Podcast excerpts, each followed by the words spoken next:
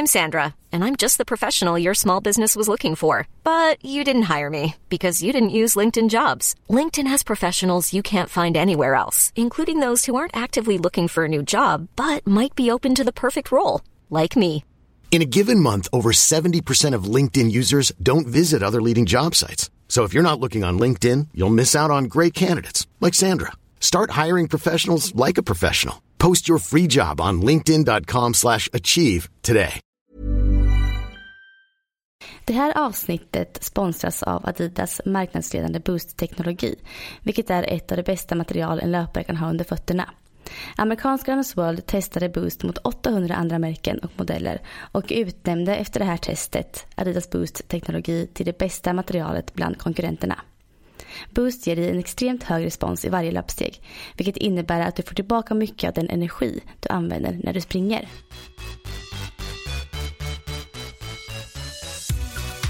Hej och välkomna av ett nytt avsnitt av Viss och Svärm on the run. Hej hej!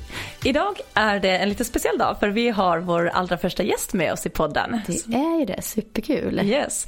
Eh, den här tjejen är en riktigt, riktigt vass löpare. Hon är head coach och team captain för Adidas Runners här i Stockholm och eh, så är hon även mamma till en snart ettårig liten tjej.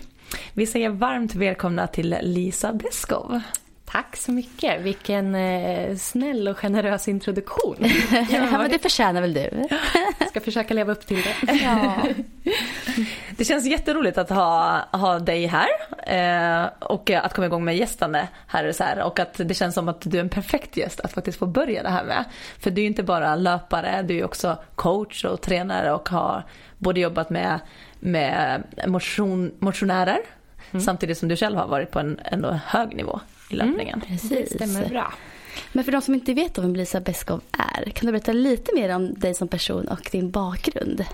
Ja men absolut. Ehm, jag kommer från början från Ljusdal i Hälsingland eh, och bodde där fram tills gymnasiet och då flyttade jag och gick på löpargymnasiet som ligger i Sollentuna.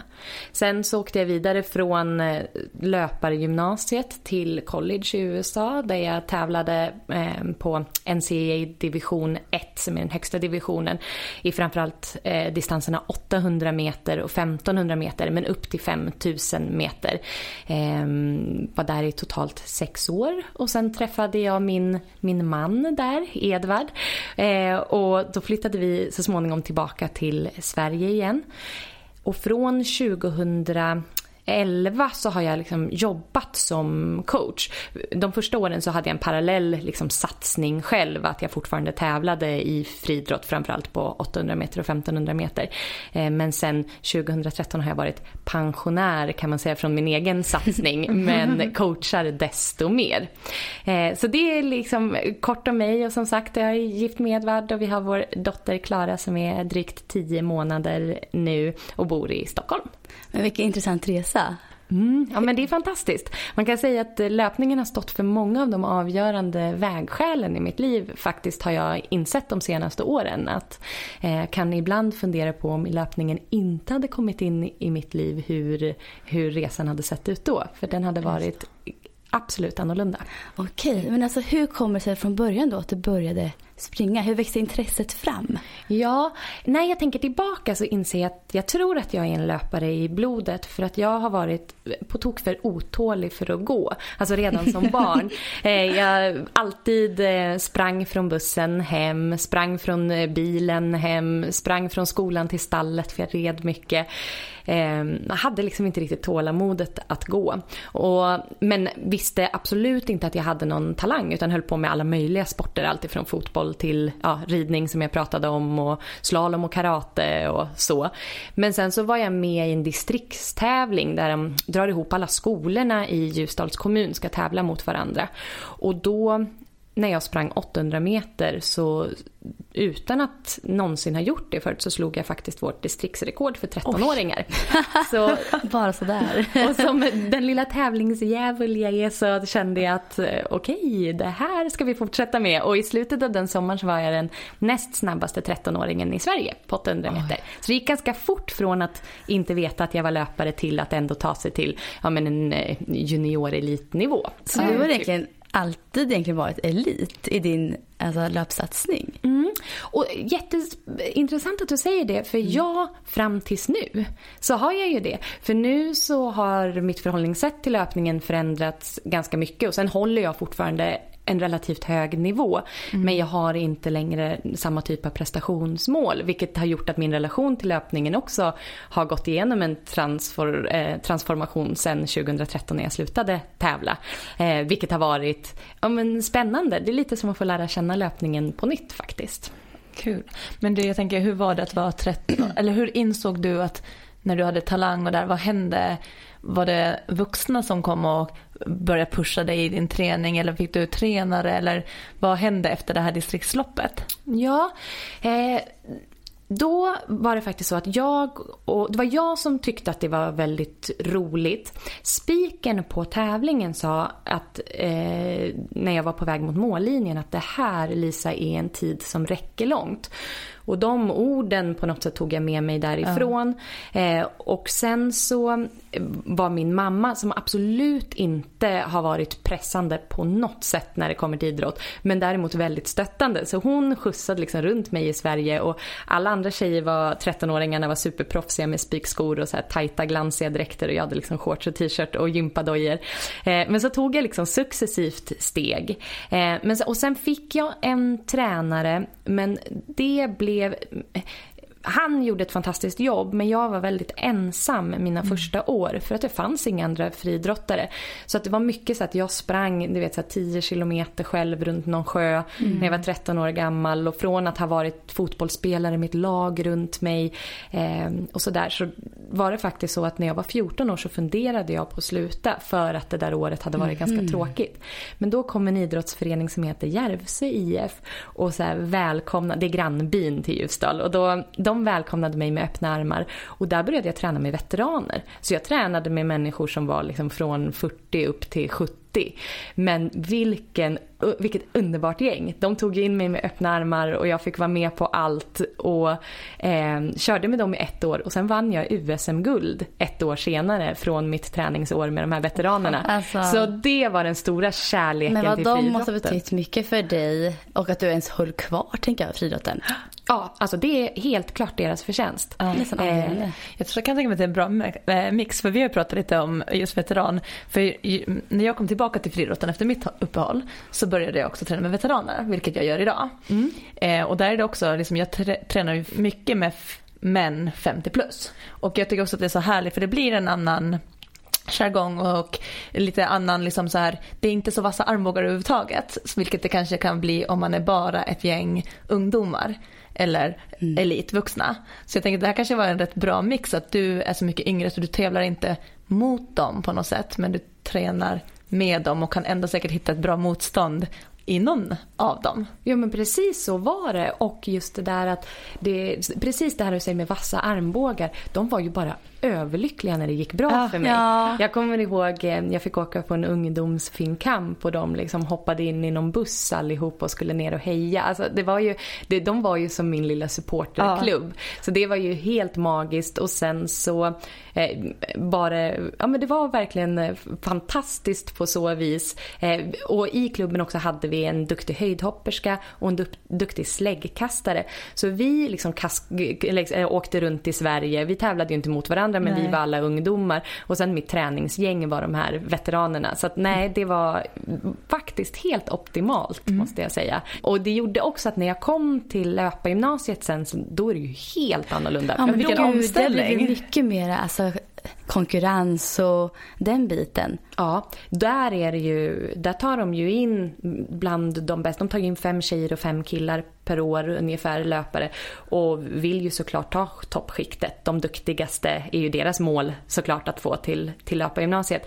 Eh, så där var det jättehård konkurrens och då är jag så tacksam för de här veteranåren som på något sätt tror jag hade stärkt min självkänsla. Att jag inte inte påverkades allt för mycket av att plötsligt få den där hårda konkurrensen utan ja, men jag hade ändå byggt självkänsla under de här åren och lite där inte tävla på träning, mm. mentaliteten som de här veteranerna pratade mycket om, att man tävlar på tävling och tränar på träning. Den satt i ryggraden så jag är väldigt mm. tacksam för det för annars vet jag inte hur jag hade reagerat på att komma från en liten by där man på något sätt ändå blir en, en, en stjärna om man ja. är lite duktig eh, till att vara en i mängden eh, mm. bland andra duktiga löpare. Gud vad intressant. Mm. Men vad, vad, idag tänker jag så, vad betyder löpningen för dig idag?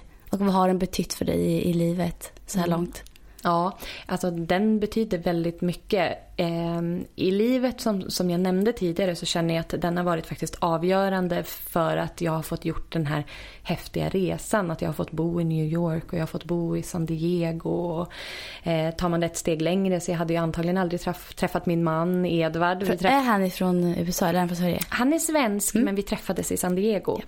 Är han friidrottare också eller? Nej, han wakeboardåkare och surfare. Så vi kommer från två helt olika ja, där. håll. Men han har ändå en stor passion för någon idrott eller, eller det behöver inte vara idrott men han har en stor passion som jag tänker att det kan ändå vara att man känner en förståelse för varandra. Ja men absolut. Eh, så är det. Han, skulle ju all, han tycker inte att det är ett dugg konstigt att jag är så högt på löpning för han Nej. är ju minst lika högt på sin wakeboard. Så mm. det, eh, har, det har verkligen fungerat bra för oss att ha olika starka intressen med stor förståelse för varandras intressen.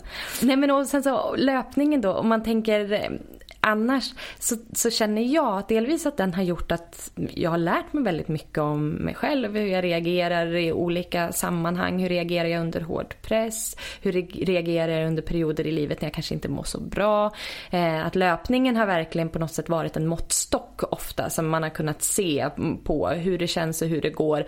Att den har kunnat lite, ja men vara som en temperaturmätare på mitt eget mående. Eh, och det jag insett nu när jag inte liksom satsar jobbar på samma med, inte har samma prestationsmål längre. Det är ju att den får mig att må så otroligt bra. Och det blev jättetydligt när jag tog ett uppehåll från löpningen efter förlossningen och sen när jag drog igång igen att jag känner verkligen att en, att sticka ut och springa det gör mig glad jag mår så bra efteråt. jag tänkte på det igår, jag var ute och sprang med en kompis, det gick inte snabbt. Vi var bara ute och njöt och tog en runda ihop. Och sen är jag liksom som bubblig hela dagen. Så det är mitt lilla lyckopiller. Så att för mig är det superviktigt att jag kan behålla löpningen hela livet så att jag får fortsätta liksom, tanka endorfiner. Ja. Det finns en stor igenkänning i det här kan jag säga. Vi har haft ett helt, eh, likadant. Vi har haft ett helt avsnitt om just också så här, eh, träning och framförallt löpning vid graviditet. Mm. Så det ska vara jätteintressant att höra lite hur, hur påverkade graviditeten och sen kanske det här året efter för din del? Hur, hur gick dina tankar och känslor eh, kring löpning och, och att kroppen skulle förändras och att livet skulle förändras? Ja, vi kämpade ett tag för att bli gravida. Det, var, det tog oss ungefär ett och ett halvt år, vilket kanske inte låter som en evighet, men när man under den perioden, det är ganska många cykler och negativa mm. graviditetstest under en sån period, så det kändes som en lång tid.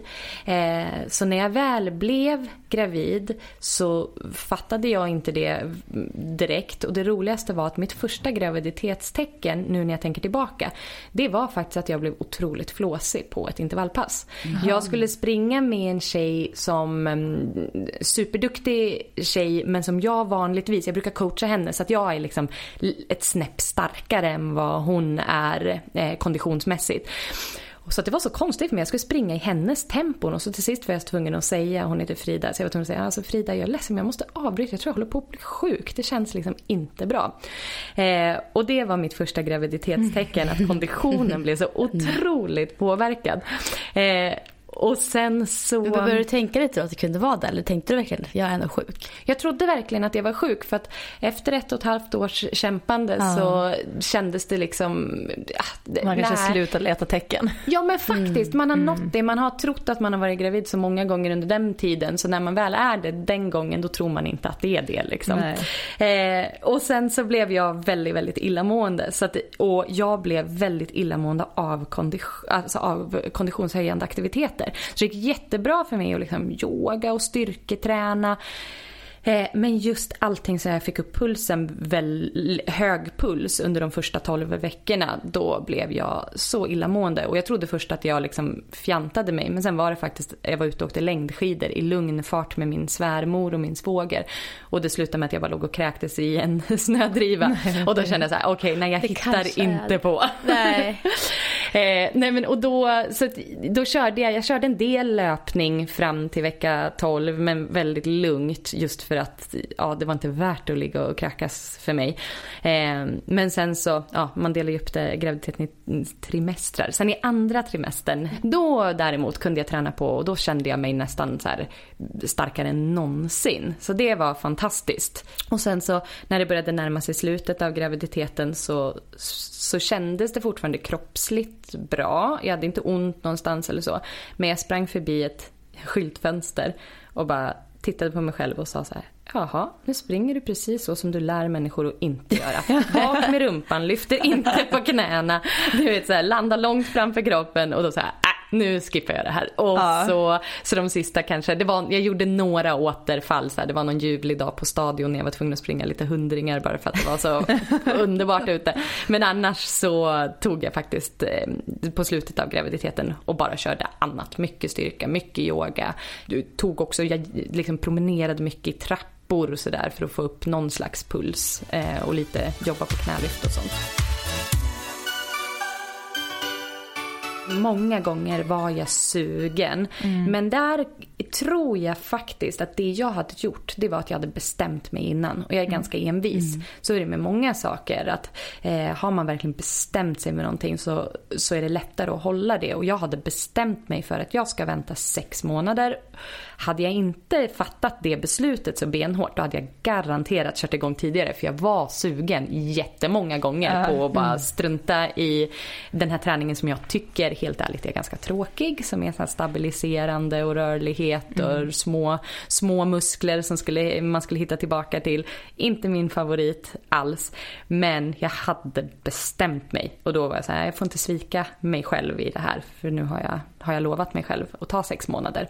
När det kom igång sen jag lite, ja. när du väl, äh, så här, när det gått sex månader och kände nu ska jag börja springa. Jag tänker att då var du väldigt så här, också ivrig och så här, men hade du någon plan då för att hur du skulle sätta upp din löpning till att kunna liksom springa milen igen eller börja prestera kanske igen eller så? Ja, men det hade jag och då gick jag tillbaka till ett sånt där rehabprogram som, som mm. efter en riktigt ordentlig skada. Så att man börjar med minutintervaller i lugn fart och så, så ökar man 10% per vecka. Sen är det två minuters intervaller och sen går man upp på tre minuters intervaller och så fyra minuters intervaller, fem minuters intervaller. Och så plötsligt så springer man en halvtimme i ett streck. Och så jobbade jag på så. Så att det verkligen så successivt. Men sen gjorde jag en sån där grej att jag gick från ah, att jag hade sprungit kanske så sex kilometer och så bara vart jag så sugen på just som du säger att springa milen. Så då gjorde jag en sån där tjopp, la på fyra kilometer vilket jag inte rekommenderar. Nu gick det bra eh, för mig. Men eh, det var inte alls enligt min plan. Det var på något sätt som att när jag hade gjort det här rehabprogrammet då kände jag att ja, nu får jag göra som jag vill. Ja. Eh, men, men, och det var också väldigt, väldigt härligt. Då tror jag, då kände jag mig verkligen som en löpare igen. när jag bara gav mig ut och så här, inte längre var i rehabfas utan faktiskt så här, nu är jag i träningsfas. Det var härligt. Man vill ju på något sätt bara ha liksom ett så här klar datum. Alltså typ så gör jag det här jobbet, då är jag klar och, bara, och då kan jag göra hur jag vill. Så det är det med skador eller med liksom mål överhuvudtaget. Men man glömmer bort att oavsett vad man gör så är man ju alltid i en process. Vill man ja. bli bättre så är du, alltid, du tränar ju alltid som elit. Du är inte klar för att du springer eh, 800 meter på låga, alltså två minuter lågt. Alltså du har ju alltid saker att jobba på och förbättra. Och så Det är inte så att man Ja, men det skulle vara skönt att bara säga när jag gjort det här, check, klar och så är den nivån alltid där. Utan man får ju hela tiden fortsätta jobba med sina mm. svagheter och hitta den långsiktiga processen. Verkligen, ja, men så är det. Man är, det gymmet jag tränar på, de säger alltid att man är alltid under konstruktion. Och på något sätt är det ju, det är verkligen det sant. Exakt. Alltid under mm. konstruktion. Och det, ja, det ligger något i det. Ja. Mm. Men hur ser träningen ut för dig idag? Du springer mycket urban running, stämmer det? Mycket asfaltsträning i stan. Mm. Men, och det är, det är jättemycket också för att få ihop det om jag ska vara ärlig. Mm. Jag, jag gillar att springa i stan. Jag tycker att det är häftigt att se stan förändras under dagen. Att så här, går jag ut och kör en tidig morgonjogg så går det människor som ser så här sömniga ut med en kopp kaffe i handen och på väg till jobbet. Eh, och stan liksom sover och det är ganska lugnt. Då kan jag känna så att det är väldigt meditativt. Eh, drar jag ut på eftermiddagen efter jobbet eller som när vi har Adidas Runners klasser 18-15 då får jag liksom puls ifrån stan. Då känner jag så här, jag känner att jag hämtar energi från alla människor och allt som händer och eh, och ja, man kan verkligen känna att stan på något sätt ger mig energi. Så det tycker jag är coolt. Men också som sagt att det bara är enkelheten. Snöra på sig mm. skorna, mm. ge sig ut. Eh, och framförallt när Klara var mindre. Nu, nu kan jag ju vara borta från henne längre stunder. Men när hon var där, när jag precis drog igång löpningen igen. Så var det så himla skönt att veta att en halvtimme så kan jag få till någonting ganska mm. bra. Men jag är mm. inte borta från min bebis så länge. Eh, och det kan jag fortfarande känna att ja, det är enkelt att få till det om man bara går ut från dörren och så sticker man iväg. Mm. Så det, mm. på, så vis, på så vis är löpningen en väldigt lättillgänglig sport att hålla på med. Ja, ja men verkligen. Och det är så coolt också som vi har varit ute och rest lite, inte jättemycket men lite grann nu sen vi blev föräldrar också. Eh, och då kan man ju också när man kommer till en ny stad, ska jag leta upp en gymanläggning och boka in klasser och så försöka få ihop det med Edvard och Klara och vår, det vi vill göra, då blir det ganska svårt. Men om jag istället bara kliver upp på morgonen, snörar på mig skorna, drar mig ut, drar ut, springer, då är det snarare så att jag kommer tillbaka med ett, ett tips på ett frukostställe ja, som vi ja, kan gå till. Och det är ju fantastiskt. Det är så härligt sätt att uppleva och upptäcka nya platser. Mm, underbart. Det där kan jag verkligen sakna, sprintträningen. För där är det bara ja. spikskor på bana, man måste alltid leta upp en bana var man mm. är. Det blir lite mer så här krångligt. Så jag kan sakna det, eh, just för jag har haft så här distansperiod också. Men att bara kunna knyta på sig skorna hemma i hallen och vara tillbaka 45 minuter senare och ha fått ett bra pass. Mm. Och just här, se nya städer eller platser. Det är så roligt att du säger det. För när jag framförallt sprang 8 och 1500 meter, det är ganska mycket distans i det också. Men, ja. men jag reste ju runt USA som en skottspoling. Alltså jag har ju varit på hur många platser som helst. Och så är det så roligt när folk frågar mig om de här städerna. Så borde jag åka dit till en häftig stad? Jag bara, friidrottsanläggningen är fantastisk. alltså, du vet, den referensen du har. Du vet var det var bra banor. Jajamensan, bra banor. Det är det jag har koll på i, i USAs städer. Ja.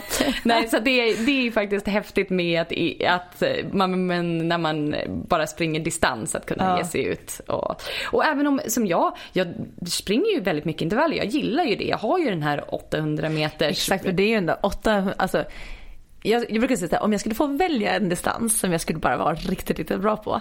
Det hade nästan varit 800 meter. För, att, typ, ja. för att man springer så fortfarande så snabbt och så snyggt. Alltså det är fortfarande, du behöver ett bra löpsteg, du behöver ett snabbt starkt löpsteg. Samtidigt så blir det lite mer just det här taktik. För jag har aldrig, jag har aldrig sprungit 800 meters lopp men jag har ju sett på många på friidrottsbanan och just det här när det är placering i klungan, det kan gå långsamt i början, det kan vara liksom ett taktiskt lopp. Det har man ju aldrig på 100 meter, det är liksom alla kör, kör allt vad de har.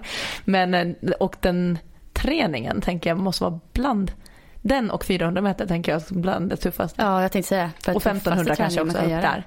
Så det är ju väldigt pannben och att verkligen du, man måste vara en riktigt, riktigt duktig löpare på alla sätt för att klara de distanserna. Ja, alltså man brukar säga så här med duktiga eh, så här sångare att de ska ha ett brett register. Och det kan jag känna, alltså kunna ta både så höga och låga toner. Och det kan jag verkligen känna lite med 800 meters träningen. Du måste vara supersnabb, du måste vara jätteuthållig. Så man springer ju långpass på eh, en och en halv, två mil. Eh, mm. Och du kör 100 meter, eller 60 meters intervaller till och med. Ja.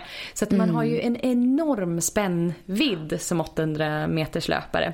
Eh, och sen så tycker jag alltså att det är mentalt en sån otroligt häftig distans. För att första 400 meterna då är det som du säger, det är bara taktik. Hitta ja. sin plats i, i klungan och Och på tal om vassa armbågar. Ja, där kommer de. Oh yes, mm. när man ska gå in på gemensam mm. bana mm. efter 100 meter, då är det krig.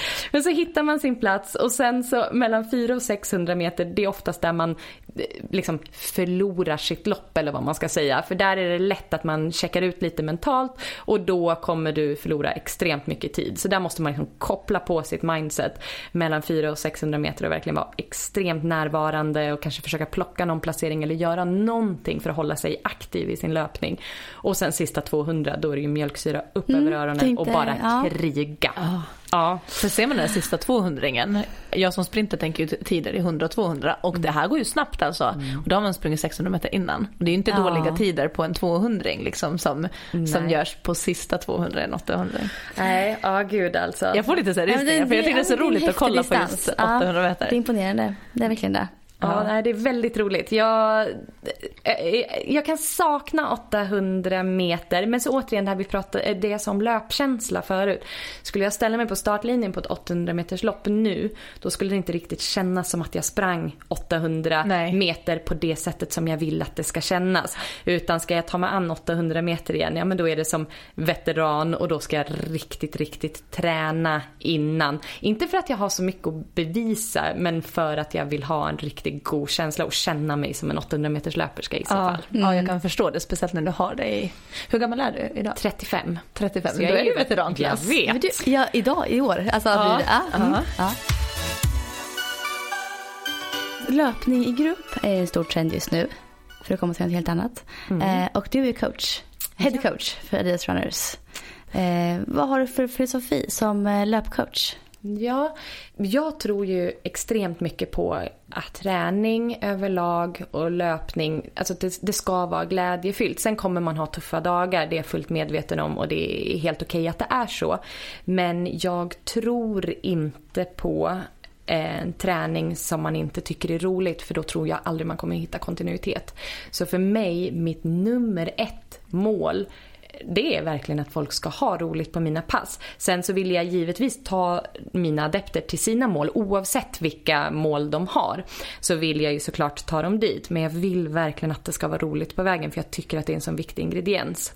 Så när jag jobbar med grupper så jobbar jag väldigt mycket, om vi tar Adidas Runners då där jag är headcoach och kapten. Då är det jätteviktigt för mig att det inte Alltså att det inte uppstår någon slags eh, tävlingsstämning utan att vi känns som ett lag. Och det är något som jag har med mig jättemycket från tiden i USA faktiskt. Att där jobbar man så extremt mycket med laget. Vilket jag tror bidrar jättemycket för att det ska vara roligt men också för eh, att man hittar mycket inspiration hos andra människor. Så jag försöker tänka att om jag bygger ett intervallpass med en stor grupp till exempel att då springer vi kanske inte 400 meters intervaller rakt framåt eh, så att några hamnar långt efter och några hamnar fram i täten utan kanske att vi jobbar, på, jobbar runt, runt på en eh, mindre yta. Eller att vi springer intervaller fram och tillbaka så att den som var längst bak på vägen dit faktiskt ligger först på vägen tillbaka. Men att man verkligen försöker jobba med att här, stärka självkänslan i löpningen och att det inte handlar om att vara först eller sist på träning utan där handlar det om att så här, hjälpa varandra, inspirera varandra, ha riktigt kul på vägen. Mm. Det känns som ett väldigt inkluderande sätt att eh, coacha tycker jag. Ja, och det är viktigt för mig. Det är jätteviktigt. Jag tror att löpning ibland får den här stämpeln som en väldigt, ja, men väldigt prestationsbaserad mm. idrott, en väldigt, in, en väldigt individuell idrott. Eh, och därför känner jag, löp, som jag sa tidigare, löpning har bidragit med så extremt mycket glädje i mitt liv. Så får jag nu möjlighet att eh, så här, förmedla löpning till andra så är den ingrediensen jätteviktig för mig att dela med mig av. Så att det inte blir så att jag förmedlar eh, bara den här liksom hårda och tuffa delen av löpningen utan också de här väldigt mjuka delarna av löpning som mm. är just glädje.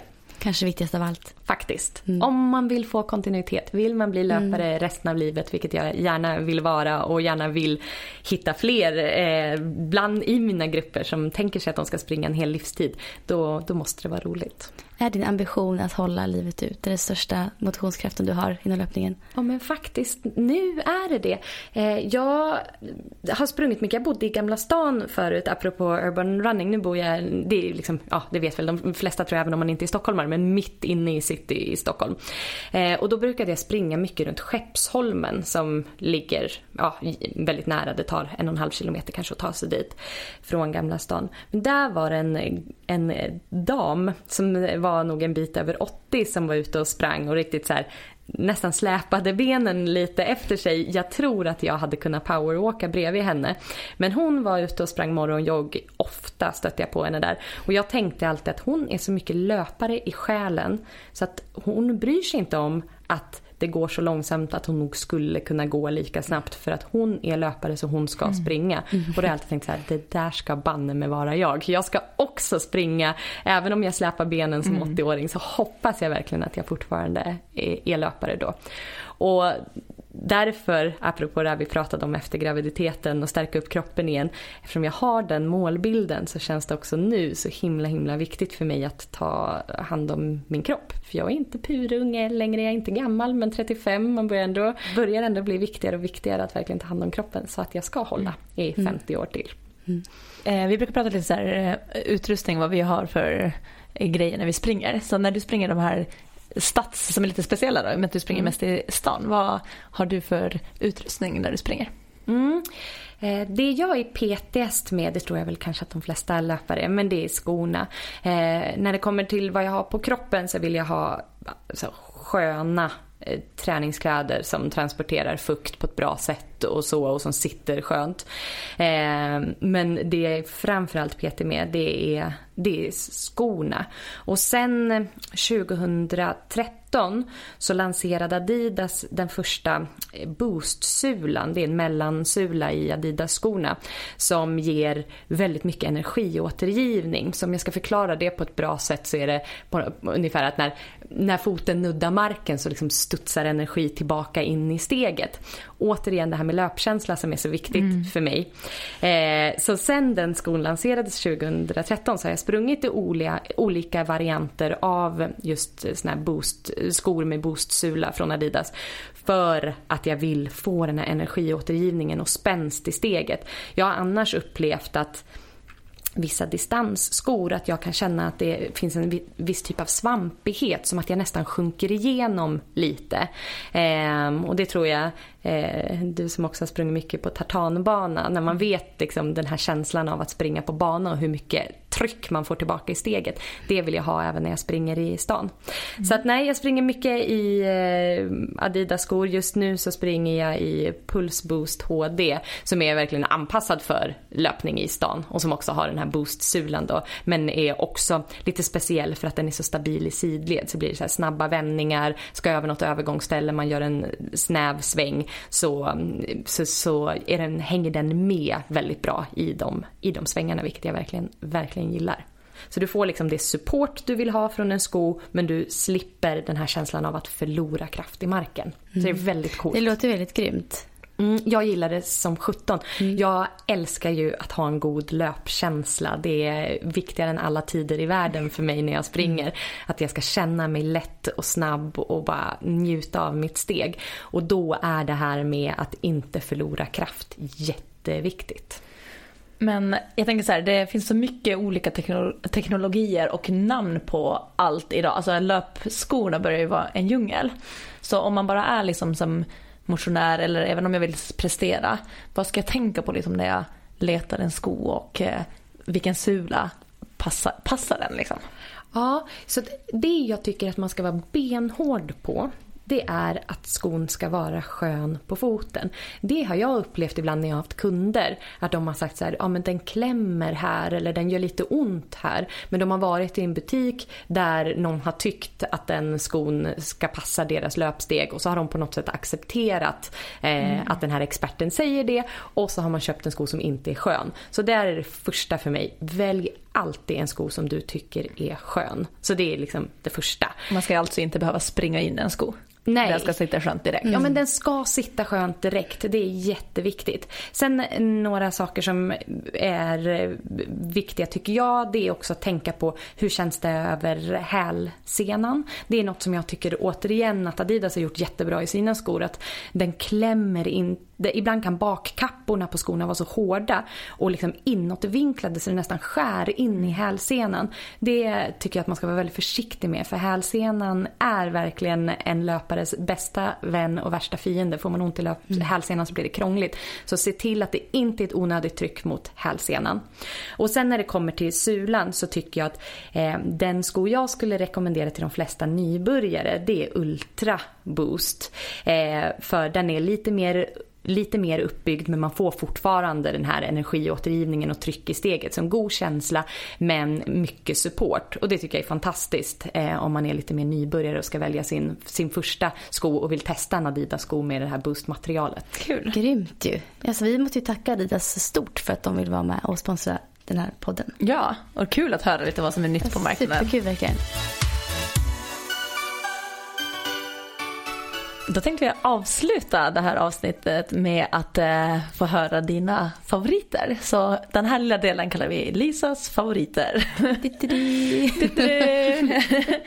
Så, eh, du ska få svara på sex stycken olika favoriter. Och jag vill börja med att höra vad, hur ser ditt favoritlöppass ut? Åh, oh, mitt favoritlöppass. Jag har två olika, får jag säga två? Ja, det kan du få göra. Eh, mitt eh, favoritlöppass eh, är ett intervallpass som jag har kört sedan löp, löpargymnasiet. Där man har 30 sekunders vila mellan varje intervall. Och sen så eh, intervallerna går 5 minuter, 2 minuter, 4 minuter, 1 minut, 3 minuter, 45 sekunder, 45 sekunder, 30 sekunder, 30 sekunder, 20 sekunder, 20 sekunder, 15 sekunder. Klart! Ah, Hängde du med? Ja, jag, jag, hängde, jag gjorde faktiskt det. Jag trodde. Ja. Ja. Det är bara, ja, det har ju som sagt jag haft med mig det sen löpargymnasiet. Ganska snabba intervaller då med andra ord. Ja, du börjar på fem minuter så kanske det är runt trösk, lite snabbare än tröskelfart och sen blir det snabbare och snabbare, och snabbare. snabbare. Men sen så är det just att det är riktigt rolig variation. Mm. Eh, så Hur långt nej. blir det hela i tid? Mycket 20, alltså jag vet inte exakt vad den aktiva tiden men med vilan så tar det ungefär 20 minuter. Så det är ganska snabbt pass om mm. man vill bara få en mm. genomkörare. Ja, som jag som sagt verkligen en riktig favorit för mig. Eh, men sen så måste jag ju också säga att jag älskar att springa 200 på bana och då mm. tycker jag att det finns inget härligare än att springa åtta stycken 200 gärna, upp, gärna uppdelat i två pass. så två gånger fyra gånger 200 meter, det är underbart. Är inte det dina favoriter också? nej. nej alltså, vi, som sprinter har man ibland hamnat på sådana där i försäsongsträning. alltså. Och alltså jag har ju som eh, min eh, vad ska man säga, det jag jobbar med i min löpning det är sprintuthålligheten. Jag är väldigt eh, stark i acceleration och eh, snabb. Så att eh, den här sprintuthålligheten är ju lite min svaga punkt. Mm. Så när man har sprungit så här många 200 alltså det är härligt för jag förstår känslan. Jag älskar just den här när man, att få springa snabbt i kurva och komma ut ur kurvan. Oh. Den mm. känslan och man hör liksom spikarna i underlaget. Den är, jag förstår det, den är eh, rolig. Men eh, jag springer hellre eh, några färre och med lite längre vila än vad du kör tror jag. Jag springer hellre långa pass. Men du säger det för jag, jag Du kör med joggvila kan... mellan de här? Ja precis, exakt. ja. Eh, nästa favorit då, vad är din favoritövning i gymmet? Jag gillar olympiska lyft. Det har jag med mig från friidrottstiden. Eh, och jag tror faktiskt att frivändning är det jag tycker är roligast för att den är så himla teknisk och det känns som att man aldrig blir klar. Nej. Det är liksom eh, fortfarande att jag kämpar med tekniken. Jag tror jag började när jag var kanske 15 år med frivändningar så jag har mm. hållit på i 20 år och fortfarande så här kan, man, kan jag bli så taggad så här, åh där satt den och så nästa bara nej där satt den inte. Så oh. frivändning ja. säger jag, väldigt rolig övning. Mm. Eh, I dagsläget då, din favoritdistans? Då skulle jag säga 5000 meter. Jag skulle vilja springa 5 kilometer, eh, inte på bana utan liksom i terräng eller i sta ett stadslopp. Mm. Det tycker jag är kul. Snabbt, jobbigt eh, men lagom långt. Oh, och jag sa att jag sprang mitt värsta lopp hittills i år. Var ju typ, det var ju nästan 5 km lopp Mm, och för mig är det, det, är ganska kort för mig och det är jäkligt eh, jobbigt. För det går så snabbt ändå. Ja men det är en vidrig eh, distans. Eh, vidrigt är det. Det går snabbt ja. från början. Ja, Man är ju trött efter en kilometer. Ja, och, och det är så hemskt. Mm. Ja.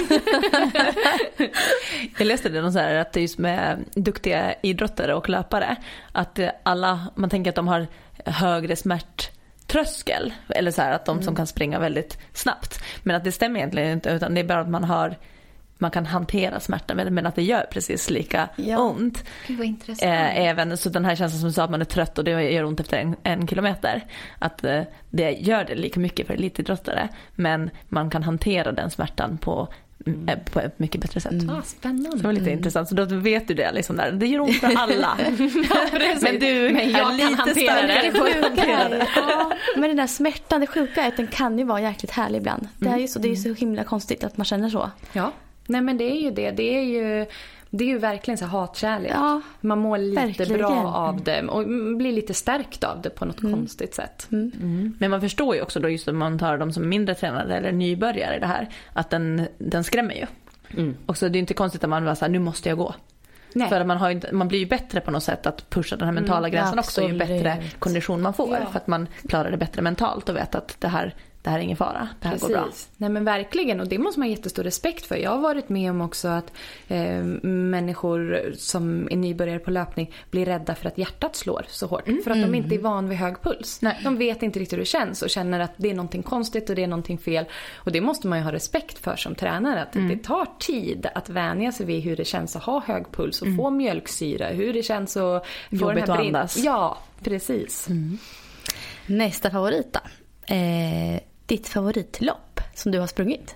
Det är det roligaste lopp jag någonsin har sprungit. Det är faktiskt eh, NCAA-final i Oregon på Hayward Fields som är en helt otrolig friidrottsarena. Det är, man kan säga att eh, den här lilla staden i, i Oregon där Hayward Fields ligger.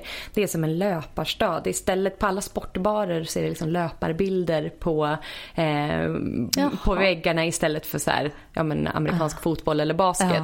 Uh. Eh, och där var det liksom 50 000 på läktaren och det var sånt tryck. Eh, det, uh. det, är verkligen det roligaste loppet. Och jag sprang också bra. Jag kanske inte hade tyckt att det var lika kul om jag inte hade sprungit bra. Men så det är det absolut roligaste lopp jag någonsin har sprungit sprungit.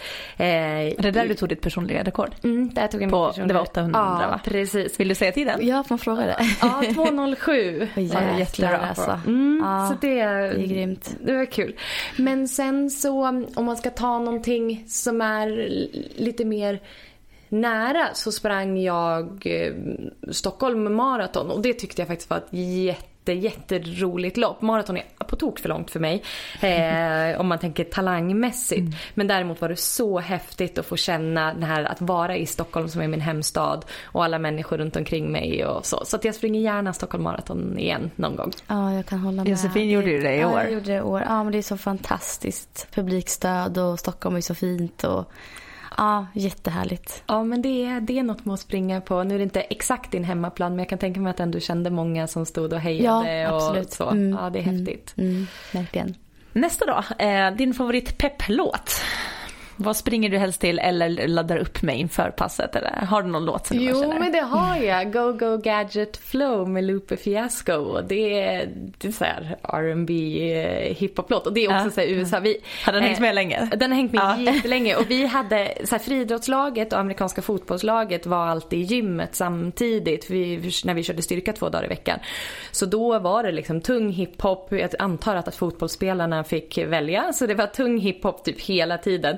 Och just den låten tror jag nästan jag alla mina så styrkerekord till för jag blir så taggad av den. Så sen har den fått följa med på alla tävlingar och allting. Älskar den. Det kan ju ofta vara så att det är någon prestation eller någonting som har hänt till en låt. Det är inte mm. låten i sig men det är känslorna som kopplas till den låten och då kan ju den ge dig så mycket energi som kanske ingen annan hör heller i en låt. Så Nej. det tycker jag att det är härligt när man kan återskapa känslor. Ja men verkligen, musik. musik det är mycket kraft i musik, en mental kraft, mm. verkligen. Sista favoritfrågan då? Mm. Vad är din favoritsyssla när du inte löptränar? Oj, vad svårt. Jag tycker om väldigt mycket. Det här är alltid svårt, jag har haft många intressen. Mm. Eh, men, ja, men ska jag välja en sak så är det ändå vågsurf. Eh, jag tycker att det är så jätte, jättehäftigt att få vara en del av en naturkraft på det sättet. Och jag är ingen duktig surfare men Ehm, jag tror att det är delvis som sagt den här känslan av att få vara del av en, en naturkraft på det sättet men sen så också att jag förknippar det med Kalifornien och att jag förknippar det med alla härliga resor jag gjort tillsammans med min man. Jag tänkte just fråga om du har fått surfingen från honom. Ja, ja men det har jag. Han är definitivt den som har eh, lärt mig. Och han är, han är, tycker jag, duktig. Han skulle inte hålla med. Men jag, han, är, han är en duktig surfare. Eh, och det har varit så himla liksom, häftigt att få ha honom som instruktör och att ha ett så starkt gemensamt intresse är väldigt kul också. Gud vad häftigt. Ja. Wow, jag känner jag sitter jätteinspirerad. Det var jättekul Ja, att få träffa dig för första Super, gången. Superkul. Tack så jättemycket för att du ville komma till podden. Ja, detsamma. Jättekul att träffa er och tack så mycket för att jag fick komma. I'm from a city in the Midwest, best city in the whole wide wide world. Say now, I'm from a city in the Midwest, best city in the whole wide wide world. Say now, I'm from a city in the Midwest, best city in the whole wide wide world. Hey, city in the whole wide world. Hey, city in the whole wide world. I got my go go go go go go go go go go gadget flow. I got my go go go go go go go go go gadget flow. I got my go go go go go go go go go go gadget flow. I got my go go go go go go go go go go gadget flow. I'm back, I'm back, I'm cool, I'm cool. West Side represent a tear on me. No ghost, no 16 bit like Sega Genesis.